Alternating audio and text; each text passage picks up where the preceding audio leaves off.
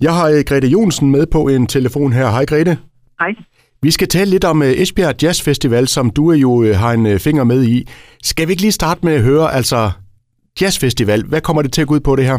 Jamen altså, vores drøm i bestyrelsen og de tre jazzklubber, der er fælles om at etablere Esbjerg Jazz Festival 2022, er jo, at hele byen Esbjerg kommer til at summe af jazz i vinterferien fra torsdag til og med søndag.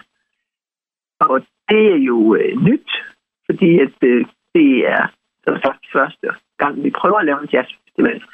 Men vi håber, at der er stor interesse for vores aktiviteter, som jo er rundt på de små spillesteder, som er, øh, det kan være Vinbaren over i Danmarksgade, og der er jo også øh, Scandic Hotel, som også har jazz. Og så er der det, vi kalder de større spillesteder, som øh, Musikhuset Tobakken og konservatoriet, som også har jazz.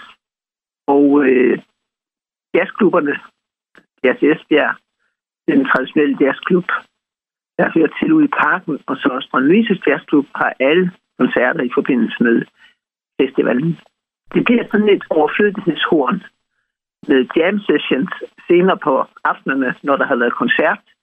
Der bliver jam sessions tre aftener, både torsdag, fredag og lørdag. Og det forventer vi jo, at øh, de musikere, der er i byen, øh, er med til at gøre til festlige aftener. Er nogen, der starter jam sessions, altså musikere, som er hyret ind til det. Og øh, så håber vi på, at der er nogen, der vil bidrage derudover. Vi har jo et program, som man kan gå ind og øh, følge aktiviteterne på, og det er på jazzbjerg.dk. Altså i stedet for esbjerg.dk, så hedder det jazzbjerg.dk. Og det er bare at, gå ind og tjekke det hele ud og se, hvilke muligheder der er. Men som du selv siger, øh, Grete, så er det jo første gang, I arrangerer det her. Altså har der været langt tilløb til det her? Ja, fordi vi har jo som alt andet øh, ramt af corona. Altså vi startede for to år siden og havde jo troet, at vi i 21 også i vinterferien skulle etablere vores første festival, men det var vi jo ret hurtigt klar over der, da øh, corona bullerede afsted sidste forår, og det kunne ikke lade sig gøre. Og øh, så besluttede vi os for, at øh, det må være 2022. Så har vi selvfølgelig været noget bekymret omkring skiftet, fordi vi havde jo hyret bands med mere.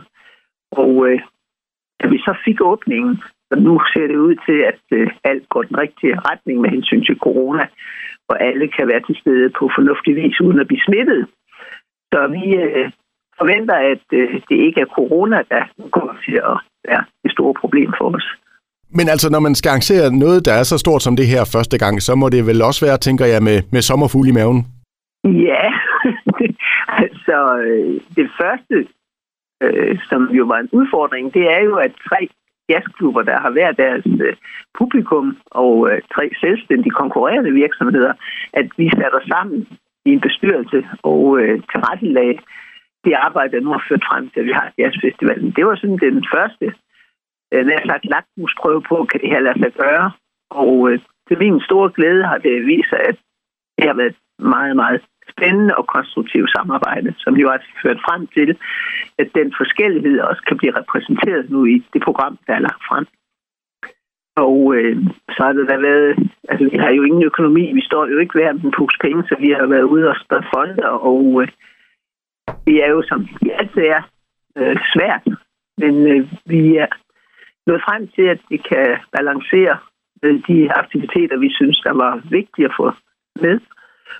Så skal jeg også øh, sige, at øh, de samarbejdspartnere, vi har, det er jo altså Tobakken og det er Musikhuset, de har jo været øh, rigtige samarbejdspartnere. På den måde, at øh, de har spillet med, og der er etableret store koncerter begge steder.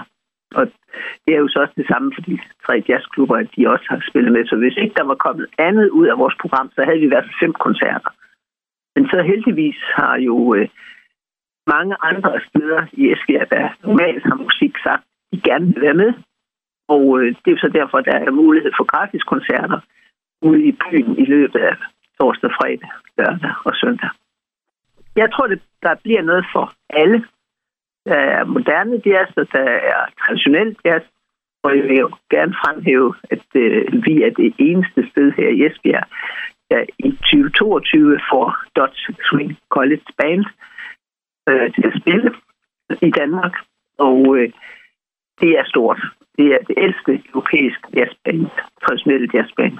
Og øh, der, det er der mange, der ser frem til, også uden for Esbjerg. Og hvad er det for en oplevelse, I gerne vil give publikum her i løbet af de her dage her? Altså, vores drøm i bestyrelsen er jo, at vi får sat fokus på Esbjerg, en by, der også har jazz. Og øh, hvis man har været interesseret i jazz og fulgt med over de seneste 25 år, så øh, ved man jo, at der var en guldalder her i Esbjerg på konservatoriet, hvor man øh, har udviklet og øh, jeg afleverede han har sagt, til musik øh, meget, meget dygtige jazzmusikere. Altså vi kan tage Henrik Gunther, vi kan tage Niklas Kok og Sine E., som vi tre nu har med her øh, i forbindelse med koncerten. Og øh, den periode var jo sådan en glansperiode, hvor jazzen den var i fokus i Esbjerg. Og øh, håber med det her initiativ, at øh, vi kan gentage det til næste år, og at Esbjerg kommer på landkortet som et sted, der årligt har en jazzfestival på samme måde, som man har i Aarhus, København og andre store byer.